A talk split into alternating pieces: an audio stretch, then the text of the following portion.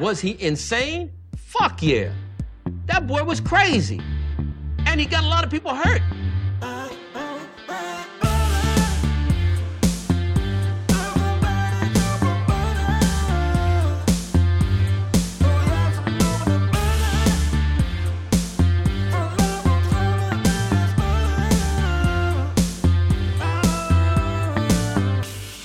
Like butter. I fucking love butter. I fucking love it. What's up, what's up, what's up, motherfuckers. Welkom bij een nieuwe aflevering van de Zonde van je Tijd podcast. Een podcast waarin ik niet alleen mijn eigen tijd, maar ook vooral uw hele kostbare tijd ga verdoen met het uitkramen van absolute onzin. Ik hoop dat deze podcast jullie uiteraard treft in een blakende gezondheid, want er gaat niks boven, onder, daarnaast aan de zijkanten, diagonaal schuin over dan een goede gezondheid. Dames en heren, we treffen elkaar nu op deze gezegende 29 oktober van 2022. Eh, we pakken uiteraard gewoon weer de krantje van de laatste dagblad erbij. Eh, wat hebben we op de voorpagina? Op de voorpagina uiteraard gewoon niks meer dan slecht nieuws, want anders is het geen krant. Anders moet ik gewoon lekker de Donald Duck kopen. Trouwens, gefeliciteerd Donald Duck. Eh, 75 jaar geworden dit jaar. En althans, het blad Donald Duck. Eh glibberende glijden over de boerenwegen tijdens de oogstperiode. Eh, dodelijke moddersporen. Ik weet niet welke oogstperiode ze proberen, maar tijdens de oogstperiode is het, zijn mensen best wel geprikkeld, uiteraard. Dan praat ik vanuit mijn eh, eh, field of experience, weet je. Eh, speler van Oranje over zijn Iran. de warme herfst. Gevolgen voor dieren en planten de wereld redden. Het kan echt wel. Tess Milne. Hoe tof het. Hoe tof ook. Het is niet wie ik ben. Oké, het, met Gerard Joling een tv-show hosten in de glitter outfit. Voor veel mensen het hoogst haalbare. Nou, voor heel veel mensen hoop ik ook gewoon echt oprecht dat ze daarna gewoon hun fucking polsen doorsnijden. Als oprecht het hoogst haalbare in jouw doel. Een programma presenteren met Gerard Joling in de glitter outfit. Uh, uiteraard leven we in een land waarin uh, iedereen mag zijn wie die ziet. Bla bla bla bla. Kill yourself. Dat is nee. Uh, weet je, als dat echt jouw dromen zijn, ja, sneu. Dan ben je gewoon sneu. Alles met in het hoogst haalbare met Gerard Joling erin is sneu. Gaat verder dan. Gerard Joling is een van de redenen van, uh, waarvoor ik zoiets heb. Joh. Als ik ooit een reden moet gaan geven waarom, uh, waarom, waarom, waarin we te ver zijn geschoten met het accepteren van homofielen. Waarvan ik overigens helemaal niet van mening ben. Absoluut niet. Maar uh, als ik alleen, als, als, als Gerard Joling de, de enige homo zou zijn die ik voor, voor mijn neus zou kunnen halen. Of als alle homo's net Gerard Joling zou zijn. Dan zou ik zoiets hebben van, joh, laat, luister eens, we moeten gewoon uh, sharia law. Jezus, wat is hij verschrikkelijk irritant pestventje. Gadverdamme, eh. Jakkes, gadverdamme. Ah, fijn. En dan gaan we natuurlijk uh, naar de column van mijn zeer gewaardeerde collega uh, Richard Kemper. Van de week zag ik hem al bij... Hij heeft een hele rare mond, heeft hij. Hij heeft een hele rare mond. Hij zei iets waar ik het totaal niet mee eens was van de week bij op 1. Hij zei, ja, wij zijn wel grappig, maar niet, niet stom. En toen dacht ik bij mezelf, het ging, en, en, dat was dan in de context over uh, dingen zeggen en dan bedreigd worden, et cetera. Want kennelijk worden er nu zelfs ook mensen die lezingen geven over de, over wolven ergens in de Veluwe, die worden nu kennelijk dus nu ook al bedreigd. Letterlijk alles en iedereen wordt nu bedreigd in dit land. Vroeger werd je dus alleen bedreigd als je een tekening maakte over.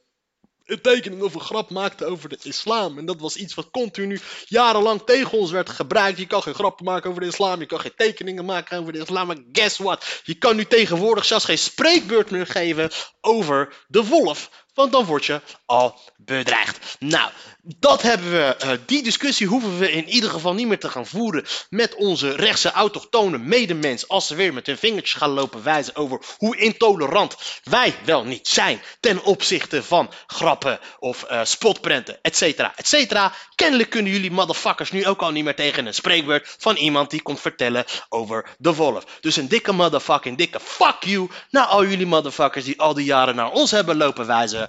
Fuck you, fuck you, fuck you. Ah, fijn, we gaan weer verder naar de nieuws van de dag. En dat is, uh, waar komt deze tirade, vloeide die uit voort? Uh, hieruit, Richard Kemper.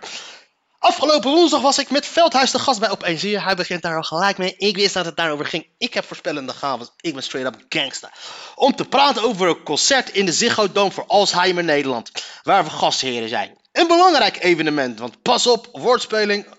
Ik ben blij dat hij daar nu mee uh, begint. Vroeger deed hij dat gewoon Hey, luistert hij mijn podcast? Denk ik? ik denk dat hij mijn podcast zou luisteren. Want vorige week heb ik hem eh, een beetje lopen irriteren aan die voorspelingen van deze man. De mensen mag nooit vergeten worden. Alle redenen dus om er iets over te vertellen.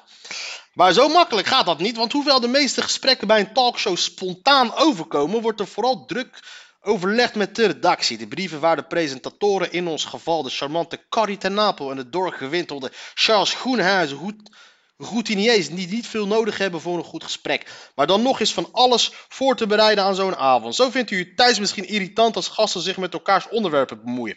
Talkshows juichen dat juist toe. Het komt de dynamiek en tafel ten goede, heet dat. Dus wordt je vooraf bijgepraat over de andere onderwerpen, zodat je daar alvast wat van kan vinden. Graag, alsjeblieft, dank u wel. In ons geval waren de andere onderwerpen de energiemarkt en de eeuwige jonge Yvonne Kuls met een boek. Studeren dus, dan is er nog jouw persoonlijke nieuws van de dag. En als je dat even niet hebt, dan heeft de redactie wel een suggestie. Wij kregen Ajax Liverpool, maar nadat ik vroeg of Verstappen nog had gescoord, gaven ze ons toch liever de Wolf. De Wolf? Er was gedoe op de Veluwe over tamme wolven. Google hem maar weer, voor ik, voor ik het wist, hield ik de avond een pleidooi voor terugkeer van de wolf op de Amsterdamse waterleidingduinen, waar we met 3000 herten te veel zitten. Oké, als dit is gelopen hoe het is gegaan, dan is dit best wel grappig. Eh, eh, oh, alsjeblieft, ga me niet vertellen dat je bedreigd bent door hertenactivisten. dat zou zo fucking hilarisch zijn. Een voorbeeld is Yellowstone Park in Amerika. Leert dat plaatsing van enkele wolven het hele ecosysteem verbeteren. Ja, je bent bioloog of niet, ik niet, maar dat dondert niet. Het concert in Ziggo, dan nu. Niet voordat we het over die andere wolven schaapskleren hebben hadden gehad. Thierry Baudet en de NS Publieksprijs. Er was gesjoemeld, of niet? Dat wist eigenlijk niemand. Maar de jury wilde niet aan tafel komen wegens bedreigingen. Die waren er nog niet, maar je wist nooit. Baudet was zelfs niet uitgenodigd, dus moesten wij er iets over roepen. Wat vond ik hier nou weer van? Geen idee, maar ik zag eerder die avond talkshow-gasten bij Galit en Sophie hartstochtelijk pleiten voor uitsluiting van Cherry's boek omdat het bagger was. Ze hadden het niet gelezen, maar dat moest wel. Ik dacht nog, het laatste wat ik wil is het opnemen voor Baudet. Maar het is wel een publieksprijs. Dit voelt een beetje als mijn vrouw die vraagt wat we willen eten. En als wij een koor roepen sperrip, zegt zij andijvie stamppot dit is. Gelukkig, gelukkig, waarom zeg ik gelukkig? Het is gelukkig. Net voordat ik iets levensbedreigends over kan roepen in ons onderwerp, opschieten. Want voor je het weet pakt iemand zich vast op tafel en kom je er nooit meer terug. De samenvatting op 12 maart vind je in Ziggo Dome herinneringen top 50 congressplaats, concertplaats. Georganiseerd door Alzheimer Nederland. Onder andere Anouk, Brigitte Kaandorp, Waylon, Douwe, Bob, Mo. Wie is Mo? En Willeke Alberti zingen die avond belang... Mo, niet Mo als Mo, Mo, Mootje, maar Mo als in Bo, maar dan met een M. Zingen die avond belangeloos de longen uit hun lijf voor het goede doel. Vandaar dat ik ze hier alvast een klein podium geef. U kunt stemmen op welke nummers er in die herinneringen top 50 horen. Een waterdicht systeem doet de rest. Waar je dat weet, vraag maar aan de NSP. Do you remember the time... Memories. Wil je weten hoe het voelt? Ben je vergeten? Weet ik veel. Alle liedjes met gever. My brain, my brain, my brain, my body, body brain. Kennelijk wordt iedereen nu tegenwoordig bedreigd, mensen. Niet alleen uh, shit. Dus deze mensen, die shit kunnen ze je never ever ooit nog afpakken. Excuses P van de A en Gijs van Dijk, maar wil nu niet meer terug in de Kamer. Zie je, die links bitches van de PvdA hebben het verneukt. En uh, nu wil Gijs van Dijk niet meer in de Kamer. Kennelijk heeft hij denk ik nu een andere functie. Ik denk dat hij nu echt bij hart van Nederland gaat zitten. Om te, om te klagen over links en dat soort shit. Als ik hem was, zou ik gewoon de Kamer ingaan en gewoon saboteren. Gewoon niet meer opkomen dagen. De laatste drie jaar even wachtgeld pakken. Centen harken. En een dikke middelvinger naar de PvdA opsteken. Maar ja, kennelijk... Uh, het partijbestuur van de PvdA heeft excuses gemaakt aan partijgenoot Gijs van Dijk uit de tweede, die uit de Tweede Kamer vertrok na beschuldigingen van grensoverschrijdend gedrag. De Tesselaar, met Tessel, zal met meerdere vrouwen affaires hebben gehad. Binnen en buiten de PvdA. De partij had onderzoek laten doen naar meldingen van betrokkenen, maar het bestuur was daarna onzorgvuldig in het trekken van conclusies, zo erkent de partijvoorzitter. Dus Gijs van Dam was in principe het slachtoffer van jaloerse bitches. Jaloerse bitches die er dus toch niet tegen konden dat ze uh, niet de enige relatie waren van deze kerel, dus probeerden ze deze man kapot te maken. Ik kan het wel begrijpen, enigszins, dus we moeten nu niet gaan lopen doen alsof hij zielig is en het slachtoffer is van het een en ander. Eh, het is een schuinmarcheerder. Hij heeft gewoon, ik weet niet wat hij tegen die wijven heeft gezegd, heeft hij eten tegen ze gezegd, je bent de enige voor mij? Of uh, hij de eerste tegen ze gezegd, luister eens bitch, uh, je bent een van de velen en daar moet jij maar mee zien te delen. En als het jou niet kan schelen, dan moet je wegwezen. Snelen, snelen. En, en snelen. Of ja, kijk jongen. Jaloerse vrouwen, jongen, die, ha, die trekken jou helemaal naar beneden. Die verneuken je carrière, vooral in deze tijd. Als ze een Twitter-account hebben. Dus eigenlijk moeten we nu niet gaan lopen doen alsof Gijs van Dijk zo zielig is. Omdat hij eh, ten, ten, ten val is gebracht door wat uh, rancuneuze waven. Yo, you stick your dick in a bee nest and those bees gonna stick your dick. Van Dijk verzette zich tegen de conclusie, waarna de beroepscommissie het bestuur hier langs onlangs terugvloot. En ik denk wat wel dan wel belangrijk is, dat in ieder geval wel uh, zijn naam is gekleerd. Dat, het, dat hij niet uh, mag, dat hij geen gekke dingen heeft gedaan. Dat hij geen misbruik van vrouwen heeft gemaakt, als in de zin van ergens toe heeft gedwongen of iets anders. Hij heeft een beetje gewoon, hij heeft gewoon normale mannen dingen gedaan, gewoon meerdere vrouwen erop nahouden. Wat vrij normaal is als je een beetje macht en energie, macht en status hebt. En ja, wordt gepakt. Bitches uh, die uh, nemen wraak. En zodoende, uh, ja, dit, je, je, krijgt de rekening gepresenteerd, motherfucker. Je kan niet aan de ene kant verschillende relaties erop nahouden. En die vrouwen worden verliefd op jou en verwachten dat er daarna gewoon niks terug hebt. Vooral als die bitches nog een Twitter-account hebben. Ik ga een shoe back, motherfucker. Minister bezorgd over stijging van het aantal tandartsmeiders. Gaan, gaat, deze, gaat dit woordje gooi doen voor de Vandalen volgend jaar? Tandartsmeider. tandartsmeider, dat is een nieuw scheldwoord voor iedereen met fucked up gebit.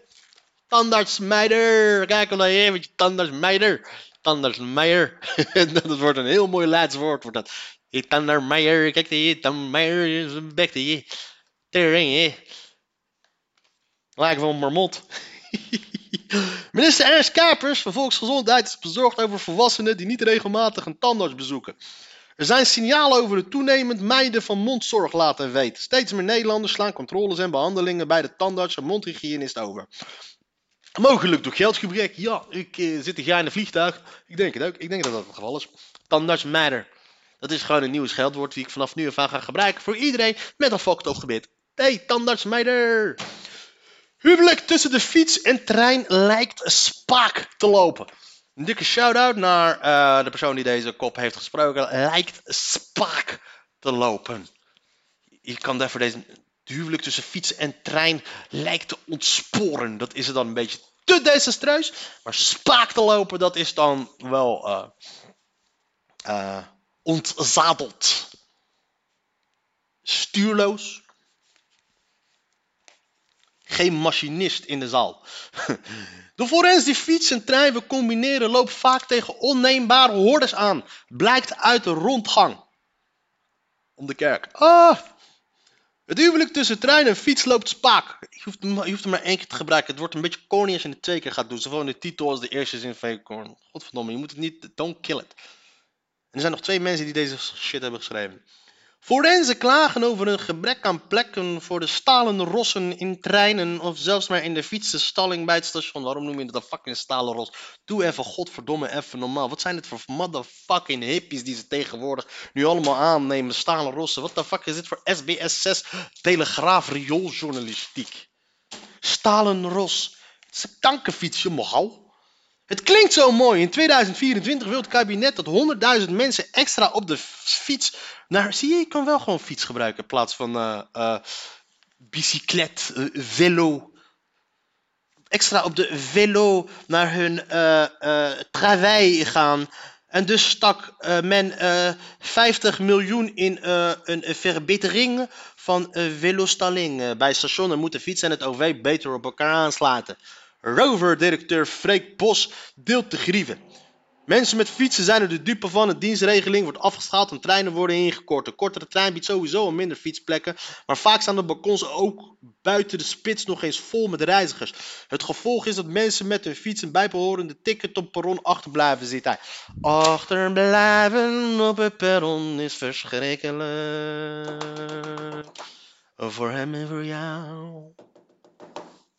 Wat moet ik ervan vinden? Ja, de treinen worden steeds minder. Minder, minder, minder, minder treinen. Meer, meer, meer, meer, meer, meer, meer, meer, meer, meer, meer, meer, meer, meer, gezeik. In dit land, we gaan naar de kloten. Met z'n allen gaan we dood. Ooit een keer, ooit een keer.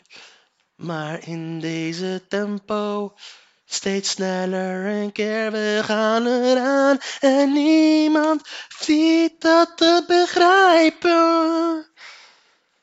En we gaan er allemaal aan. Thank you, thank you, thank you, thank you. Ik weet niet wat de fuck ik aan het doen was daar op dat moment, maar ik liet me eventjes helemaal gaan. Ja, de- kijk, volgens mij hebben die motherfuckers hebben, dus- ze dus laatst eh 10% erbij gekregen voor hun salaris. Wat dus gaat betekenen dat de kaartjes duurder gaan worden. Maar nu worden de kaartjes duurder en er worden nu meer mensen moeten ze gaan betalen. Maar er zijn dus minder treinen nu op dit moment. En mensen worden boos. Moeten we de trein gaan pakken of moeten we de, auto gaan pakken? Auto, kunnen we niet meer pakken, want dat is te duur. Treinen kunnen we niet meer pakken, omdat Thailand wordt ook weer naar chaos. Wat gaan we moeten we doen? De wereld gaat naar de klote. Daarom, jongens, ik zei alles, ik adviseer alles en iedereen. Ga gewoon lekker zitten thuis voor de televisie en wacht het gewoon af. Weet je, gewoon lekker zo zitten zo. Net als bij de, eh, toen bij de Titanic had je dat hele oude stelletje die niet ging vluchten. Die ging gewoon arm in arm liggen in bed, heel romantisch. Zo, let's die. Together we cry. We are old, so we don't have to run away. Let the young people live and we die. Ik vind het nog steeds belachelijk dat die Rose, gewoon Leonardo DiCaprio, gewoon nog steeds niet op die deur komt met Rose. Jack, Jack, Jack, Jack. Jack was een sukkel. Jack had gewoon lekker op, op Rose moeten liggen daar en zich warm moeten houden tegen die couche, tegen die, tegen, tussen die dikke tieten van, van, van Rose. Schijnlijk ga warm. Help, help. Dat is zo zielig. Tachi, ik heb niets te maken met de bedreigingen van prinses Amalia. Jongens, het, dat hele bedreigen van prinses Amalia is zo belachelijk, jongen. Toop maar weer eens aan hoe, hoe, hoe, ah, ah, hoe groot een flikker Willem-Alexander is. Ik bedoel, het feit dat al een, paar kut Marokkaantjes op het idee kunnen komen om... hey, laten we Amalia ontvoeren. Het feit dat dat al in ons opkomt, betekent al hoe weinig respect je hebt voor, voor Willem-Alexander. Ridwan Taghi heeft in de schriftelijke getuigenverklaring ontkend dat hij iets te maken heeft met de moorden op de broer van kroongetuige Nabil B., advocaat Dirk van Wiersum en misdaadverslaggever Peter R. de Vries. Ook heeft hij niets te maken met de bedreigingen van prinses Amalia, zou in de verklaring staan. Ik weet het niet, waarom zou ze prinses Amalia moeten bedreigen? Taghi is geen verdachte in de zaken, maar er wordt wel gesuggereerd dat hij erachter zit. Taghi, 44, is de gerechtsbunker in Amsterdam-Osdorp vrijdag uitgebreid gehoord als getuige in de strafzaak tegen zijn neef en voormalige advocaat Youssef Taghi. De advocatenneef wordt er onder meer van verdacht dat hij heeft meegewerkt aan de uitbraakplannen van Taghi. Oké.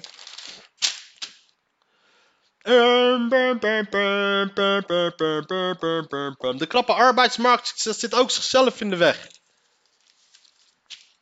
Asielwet blijft een coalitieworsteling. De asielwet, waar coalitiepartijen en staatssecretaris van de Burger al week over onderhandelen, moet een lange periode in de kracht blijven. Joh, luister, ik ga het jullie eerlijk zeggen, het interesseert me helemaal geen pang pang. Asielwet, luister, ik denk dat we gewoon er hartstikke eerlijk over moeten zijn. En we moeten er niet meer over omheen draaien. En dit gaat, dit, gaat links kapot maken trouwens. Want links gaat, links gaat principieel blijven staan. Hoeveel zouden aan wetten, bla bla. Omdat die de D66 en die GroenLinks mensen, die worden er niet mee geconfronteerd. Die mensen komen inderdaad niet bij hun in de straat, komen inderdaad niet bij hun in het dorp. Maar, eh, luister eens, we kunnen het niet meer aan. Het land kan het niet meer aan. We kunnen geen huizen bouwen, we hebben geen artsen, we hebben, we hebben het niet meer. En er komen steeds meer mensen hier naartoe. Luister, ehm, er moet gewoon een asielstop komen. En het is lullig, het is pech, het is jammer. En voor iedereen die denkt van, joh, oh, nu jij hier naartoe bent gekomen, daarna sluit je gelijk de bruggen. Ik zeg, motherfuckers, ik ben niet hier naartoe gekomen, ik ben hier altijd al geweest. Dus ja, ziek heil. Ziek heil, ziek heil. Ik ben ziek en geil. Dat is wat ik daarmee wil zeggen. Dit is uiteraard geen uh, ziek hel als ziek hel Hitler. Nee, wat ik hiermee wil gaan zeggen is... Uh, we kunnen het niet meer aan, mensen. We kunnen het niet meer aan. En al die uh, partijen die zogenaamd claimen op te willen komen voor de zwakkeren... die linkse partijen... de grootste slachtoffers van het feit dat er geen huizen zijn... zijn, de link, zijn de arme mensen. Want de rijke motherfuckers, de VVD'ers en zo... die kunnen gewoon nog steeds een huis kopen. En de D66'ers, die kunnen ook gewoon nog steeds lekker een huis kopen. Want D66'ers zijn in principe gewoon niks meer dan linkse mensen die recht, eigenlijk rechtse mensen die links willen zijn. Klaar, snap je? Zoals, uh, dikke shout-out naar Marcel van Roosma. Maar dat is dus dat hele ding. Maar er moet gewoon een punt van komen, luister motherfucker. De SP, de SP is daar keihard in. En de SP is de enige echte arbeiderspartij nog hier in Nederland. De PvdA, PvdA is geen arbeiderspartij meer. PvdA is gewoon een fucking... Het is gewoon een, slap aftreksel van... Uh, van uh, dat wordt binnenkort wordt dat allemaal PvdA, GroenLinks. Dat wordt allemaal D66. Dat wordt allemaal D66. Snap je? Dreiger aanslag krijgt TBS met dwangverpleging. Al die kankerhollanders komen er wel achter. Binnenkort kom ik vrij en dan zullen, zullen ze het wel weten. Op de Dam roei ik iedereen met een AK-74 neer. Dit zijn niet mijn woorden, ik lees letterlijk voor uit de kant. Woorden met die strekking zou Abdelslam K. tijdens zijn verblijf in de gevangenis van hier Hugo Waard in 2016 hebben uitgesproken tegen medegedetineerden en een medewerker van de penitentiaire inrichting. Mag je, niks, mag je zelfs in de gevangenis niks strafbaars meer zeggen? Dat is. Dit gebeurde kort na een bloedige terroristische aanslag met meerdere dodelijke slachtoffers in Frankrijk en in België. Was dat 2016? Waar de bedreigingen met een terroristisch misdrijf en eerder bij de rechtbank in Haarlem op een jaar cel komt te staan, heeft de gerechtshof in Amsterdam hem nu TBS met dwangverpleging opgelegd. Het Openbaar Ministerie was in hoger beroep. Ga je, wat ben je voor kankersuk ook? Waarom ga je dat lopen schreeuwen? Waarom ga je... Houd gewoon je kankerbek. Houd gewoon je fucking bek. Ja, gewoon. Maar ik ben blij dat hij het heeft lopen schreeuwen. Motherfucker, shit, hem. Hoi, gooi hem lekker vast. Oh, oh, oh, oké. We gaan hem, gaan met een AK-74 gelopen de dam. Ja, kanker is dit. Ja, la hakel hem. TBS, je moeder. Kijk of jij ooit naar buiten komt. Volgens deskundigen leidt K aan religieuze paranoïde grootheidswanen. Een chronische psychose in combinatie met schizofrenie. Heel hou die motherfucker binnen. Om uh, Richard Pryor te, te quoten. Thank God there's prisons. Tuurlijk moeten we deze motherfucker even, uh, even TBS gaan lopen geven, man. Deze motherfucker is helemaal kierenwit. Jongens, uh, Intel heeft zo zijn nadelen, mensen. Volgens uh, de Wanen zouden mede kunnen verklaren waarom hij een medewerker van een psychiatrische instelling in Balkburg in 2017 plotseling met zijn vuist op zijn linker slaap sloeg en een zware hersenschudding, evenwichtstoornissen en oorsuizen bezorgde. Ook mishandelde hij in 2018 vanuit het niets een plaatsvervangende directeur van het detentiecentrum Rotterdam door haar een stevige klap te verkopen. Ja, je moet ook geen bitches zetten in die situaties. De verdachte zelf stelt de bedreigingen met de terroristische aanslag op de Dam in Amsterdam nooit te hebben geuit. Getuigen zouden tegen hem samenspannen. Ja, deze motherfuckers. Paranoia. Cray, cray, cray, cray, cray, cray. Je demo, laat me nooit meer vrij. Nooit meer vrij voor jou, Abslamka. De mishandeling pleegde hij het noodweer. Bij het eerste incident verzette Karen zich tegen de gedwongen toediening van medicatie. In het tweede geval was hij bang te worden gefolterd in een isolatiecel. Crazy! De advocaat-generaal veegde al zijn verwijten van tafel en eiste acht maanden gevangenis plus TBS met dwangverpleging. Bovendien zou de schadevergoeding aan de geslagen instellingmedewerkers moeten betalen omdat K vanwege zijn criminele verleden intussen tot ongewenst vreemdeling is verklaard en de inreisverbod van 10 jaar heeft, vreest zijn advocaat dat dit zou leiden tot een uitzichtloze situatie. Haar cliënt kan immers niet op proefverlof en terugkeer in de maatschappij is onmogelijk. Ja, omdat wij hem niet terug willen in de maatschappij. Want deze motherfucker is crazy. Stuur zijn moeder naar Marokko. Stuur zijn moeder naar Marokko en gaan we daar even kijken wat hij kan lopen roepen. Ja, ja ik ga jullie kanker Marokkaan allemaal doodschieten op, uh, op Jamal Veel succes. Kijken wat er dan met jou gebeurt. Israël wacht coalitie van orthodoxen uiterst recht. Oeh, c'est. Krijgt Israël straks een regering met aan het hoofd een premier die terecht staat in drie corruptiezaken, een homofobe minister van Defensie die het land op basis van de Torah wil regeren en de minister van Publieke Veiligheid die het liefst alle Palestijnen deporteert in het openbaar geregeld zijn pistool trekt en door een satirische tv-programma indirect wordt vergeleken met Adolf Hitler. Dat zijn allemaal ja en er gaat geen kanker aan gebeuren hier in het Westen. We gaan het allemaal prima vinden, we gaan ze niet beoordelen, we gaan het allemaal fijn vinden. Er gaat niemand hier wat van vinden als er daadwerkelijk ook alle Palestijnen worden gedeporteerd, worden vermoord. We gaan er helemaal geen kanker van vinden als dat daadwerkelijk gaat gebeuren. Dit ik jullie al We gaan met een wijzende vingertje wijzen en we moeten onderhandelen, we moeten gaan praten, maar er gaat verder niks gebeuren. Maar moet jij eens opletten, zodra de eerste Palestijn zich weer ergens opblast. Wat er dan gaat gebeuren, hoe de wereld dan gaat reageren. Dan is het Israël die reageert. Israël reageert alleen maar. Israël reageert alleen maar. Alsof alles wat daarvoor gebeurt, niet gebeurt. Alsof alles oké is, alles is pijs en vrij. En dan komt de Palestijn en blaast zich op. Die gooit een steen ergens tegen en schiet iemand dood. Er komt helemaal uit het niets. Israël reageert.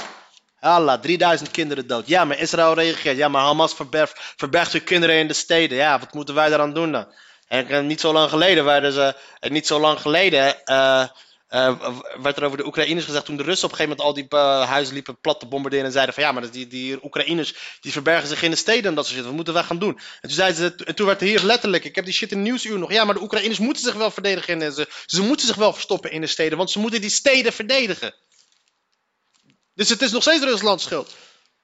Maar wanneer het om de Palestijnen gaat, die sowieso geen andere plek hebben dan, in, dan huizen in zich, dan, dan, dan, dan, in, dan zich te, te, te, te verschansen in urban, uh, in, in urban gebied. Omdat Gaza letterlijk één, groot, één grote gevangenis is. Ze kunnen geen guerrilla-oorlog voeren in want ze hebben geen bossen, ze hebben geen moerassen, ze hebben geen bergen. In Gaza is één grote gevangenis. Maar dan vinden we het allemaal prima. Dan is het allemaal pijs en vrede, dan is het allemaal cool. Het zou heel goed kunnen. Israël gaat volgende week voor de vijfde keer in minder dan vier jaar tijd naar de stembus. Dit keer staat niets minder dan het voorbestaan van de democratie op het spel. Zo waarschuwt interim minister Yair Lapid. De centrumpoliticus is niet de enige. Ongekend onheil. Zelfs de rechtse krant Jeruzalem Post vreest dat een coalitie met daarin de Likud van Benjamin Netanyahu en de Joods-extremistische partij de meest waarschijnlijke uitkomst ongekend onheil zal brengen. Het wordt een extreemrechtse regering daar in Israël. Moet jij eens opletten hoe wij met hun om zullen gaan daar op dat moment. We gaan hun behandelen als legale partners zoals we Netanyahu, Ariel Sharon, al die motherfuckers hebben behandeld alsof het gewoon legitieme, gewoon oké, okay, uh, weet je, 13 in het dozijn democratisch gekozen uh, premiers zijn. Wat allemaal motherfucking massamoordenaars zijn. En nu wordt het erger. Het wordt erger en erger en erger en erger en erger en erger en erger. En we gaan ze nog steeds hetzelfde behandelen. Het gaat allemaal prima prima. We als, ze hier in, Nederland komen, rollen we alles voor ze uit ontvangen. We zeggen, Israël is ja, 50, 60 jaar onze partner, bla bla. Hetzelfde motherfucking kanker gedaan. Zoals altijd. En er gaat geen kanker gebeuren als er één Palestijn, één steen gooit, naar één kolonist, naar één tank, pats, boom, klaar. Huppatij. Tapijtbombardementen over heel Gaza en heel de wereld gaan we zeggen, ja luister, ze verdedigen zichzelf. Israël moet zichzelf gaan verdedigen. Ah... Joodse terrorist Baruch Goldstein die 29 Palestijnen in een moskee afslachtte en zijn woonkamer had hangen. De extremisten, drie partijen die onder druk van Netanyahu zijn samengegaan, zullen volgens de peilingen de derde van het land worden.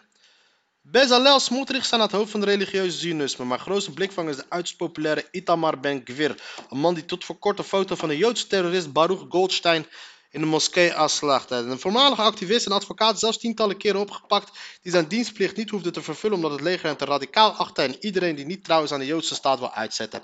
De Verenigde Staten en de Verenigde Arabische Emiraten, Israëls kerstverse bondgenoten, hebben gewaarschuwd tegen de Israëlische regering met daarin Ben Gvir. Volgens Netanyahu is er echter geen enkel probleem om de 46-jarige extreem, extremist tot minister te maken. Ook al zijn dienstaanhangers in Batyan van plan om gewapende burgermilitie te vormen, omdat zij zich onveilig voelen door de Palestijnse arbeiders in de kustplaats. Vooral zorgwekkend zijn de juridische hervormingen die de partijleider Smotrich heeft voorgesteld. Die komen er feitelijk op neer dat de politieke meerderheid in de Knesset uitspraken van de rechter kan overroelen. Ook wil hij aanklachten wegens fraude en het schenden van vertrouwensgrappen. Die vormen nou net de belangrijke basis voor de huidige rechtszaken tegen Netanyahu. Het wordt ongekend spannend op 1 november. Volgens de laatste peilingen weten Netanyahu met religieus zionisme en de orthodoxe partijen net geen meerderheid te halen. Dat komt vooral doordat een deel van de gigantische stemmenwinst voor de extremisten bij Likud vandaan komt. Waar de tegenstanders onder leiding van Lapid is er geen eenvoudige weg naar een meerderheid. Beste vriendin Anne Frank overleden nou. Nou, goed om te horen, dan hoeven de Palestijnen jou in ieder geval niet te vermoorden. Echtgenoot Nancy Pelosi in eigen woning aangevallen. Geweld stopt niet, maar niks doen is geen optie. Kijk, Eh, ja, ik zit nu al bijna op een half uur. Maar weet je wat? Eh, ik ga morgen gewoon weer even verder met de krant. Of ga ik nu alweer... eh eh, of ga ik morgen weer even verder? Weet je wat? Ik ga morgen weer even verder met de krant.